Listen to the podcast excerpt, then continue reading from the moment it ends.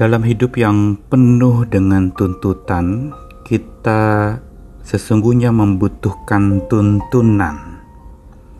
Dunia selalu menuntut, tetapi Tuhan selalu menuntun.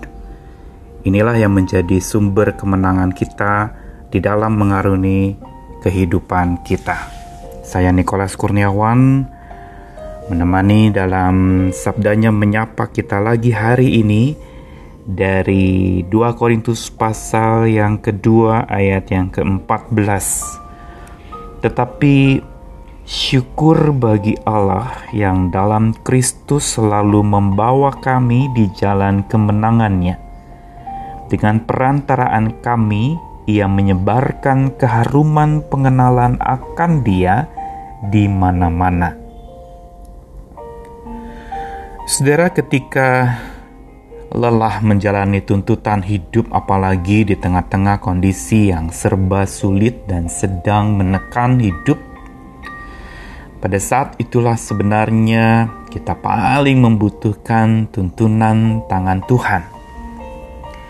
Ini pula yang pernah dialami oleh seorang rasul bernama Paulus di dalam pelayanannya. Tuntutan demi tuntutan membuat dia sesungguhnya merasa lelah dan tidak tenang. Belum lagi ketika dia melakukan satu hal yang baik tetapi diresponi dengan tidak baik, bahkan membuat keadaannya menjadi tambah buruk, dipenjara atau ditahan untuk satu tindakan kasih dan pemberitaan yang sebenarnya itu adalah hal yang sangat baik dan diperlukan orang. Begitulah hidup kita. Ada masa-masa yang memang tuntutan itu begitu tinggi. Tetapi apa yang disaksikan oleh Paulus dalam sabdanya pagi ini, dalam sabda Tuhan pagi ini, memberitahukan kepada kita bahwa Paulus di tengah-tengah tuntutan yang berat itu bersyukur kepada Tuhannya. Dia bersyukur kepada Allah yang membawanya di jalan kemenangan. Inilah tuntunan tangan Tuhan yang dia alami. Di tengah-tengah kondisi tuntutan yang bisa membuat dia kalah, Tuhan datang membawa dia untuk ada di jalan kemenangan. Jalan kemenangan apa yang Tuhan berikan buat Paulus? Pertama adalah Tuhan membuka peluang di tengah-tengah kondisi terdesak dan himpitan yang begitu menekan dan menuntut hidup, Tuhan justru membuka peluang bagi Paulus untuk tetap memberitakan, membuka peluang untuk tetap bersemangat dan membuka peluang untuk tetap pekerjaan Tuhan dinyatakan di tengah-tengah himpitan masalahnya. Ini yang sering kali kita lupakan ketika kita sedang terhimpit. Kita tidak dapat melihat peluang-peluang itu. Tapi kalau kita bisa melihat peluang itu adalah karena iman yang dari Tuhan.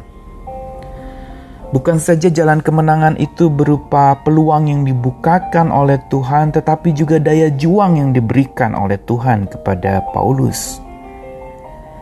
Daya juang yang menyebabkan Paulus sekalipun merasakan hatinya tidak tenang, tapi daya juang itu tidak surut.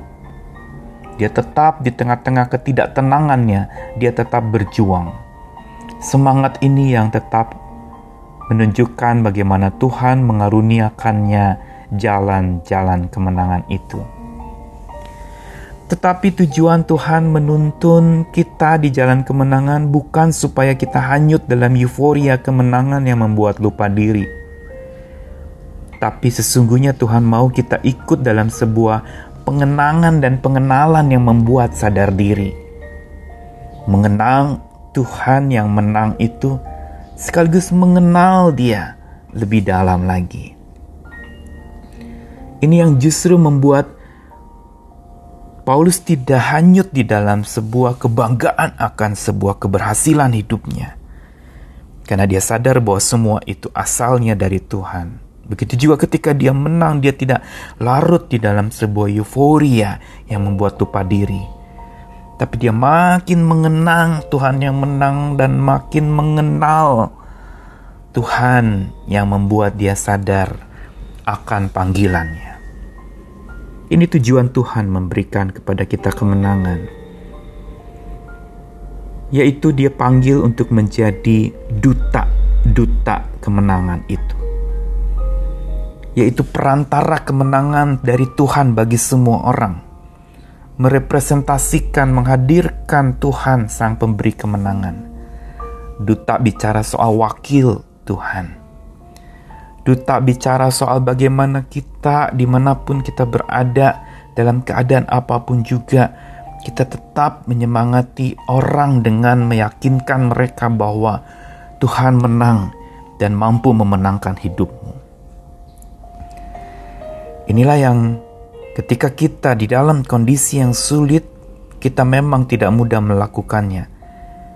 Tapi dengan kemenangan yang dari Tuhan itu kita mampu melakukannya. Yang kedua, Paulus dipanggil bukan saja menjadi duta-duta sebagai perantara kemenangan Tuhan bagi semua orang, tapi juga menjadi dupa. Di situ dikatakan menyebarkan keharuman pengenalan akan Tuhan. Menjadi dupa berarti memperluas pengenalan itu kepada makin banyak orang. Menjadi dupa berarti dupa itu adalah satu benda yang kecil yang ketika itu dibakar maka ada aroma yang meluas.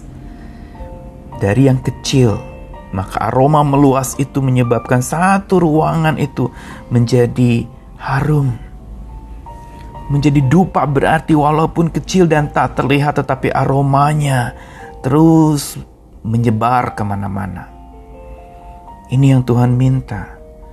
Di tengah-tengah himpitan, di tengah-tengah ketertekanan itu, Tuhan mau dan memanggil kita untuk tetap meluaskan kasih Tuhan itu, menyebarkannya lewat langkah-langkah kecil yang kita lakukan buat sesama kita.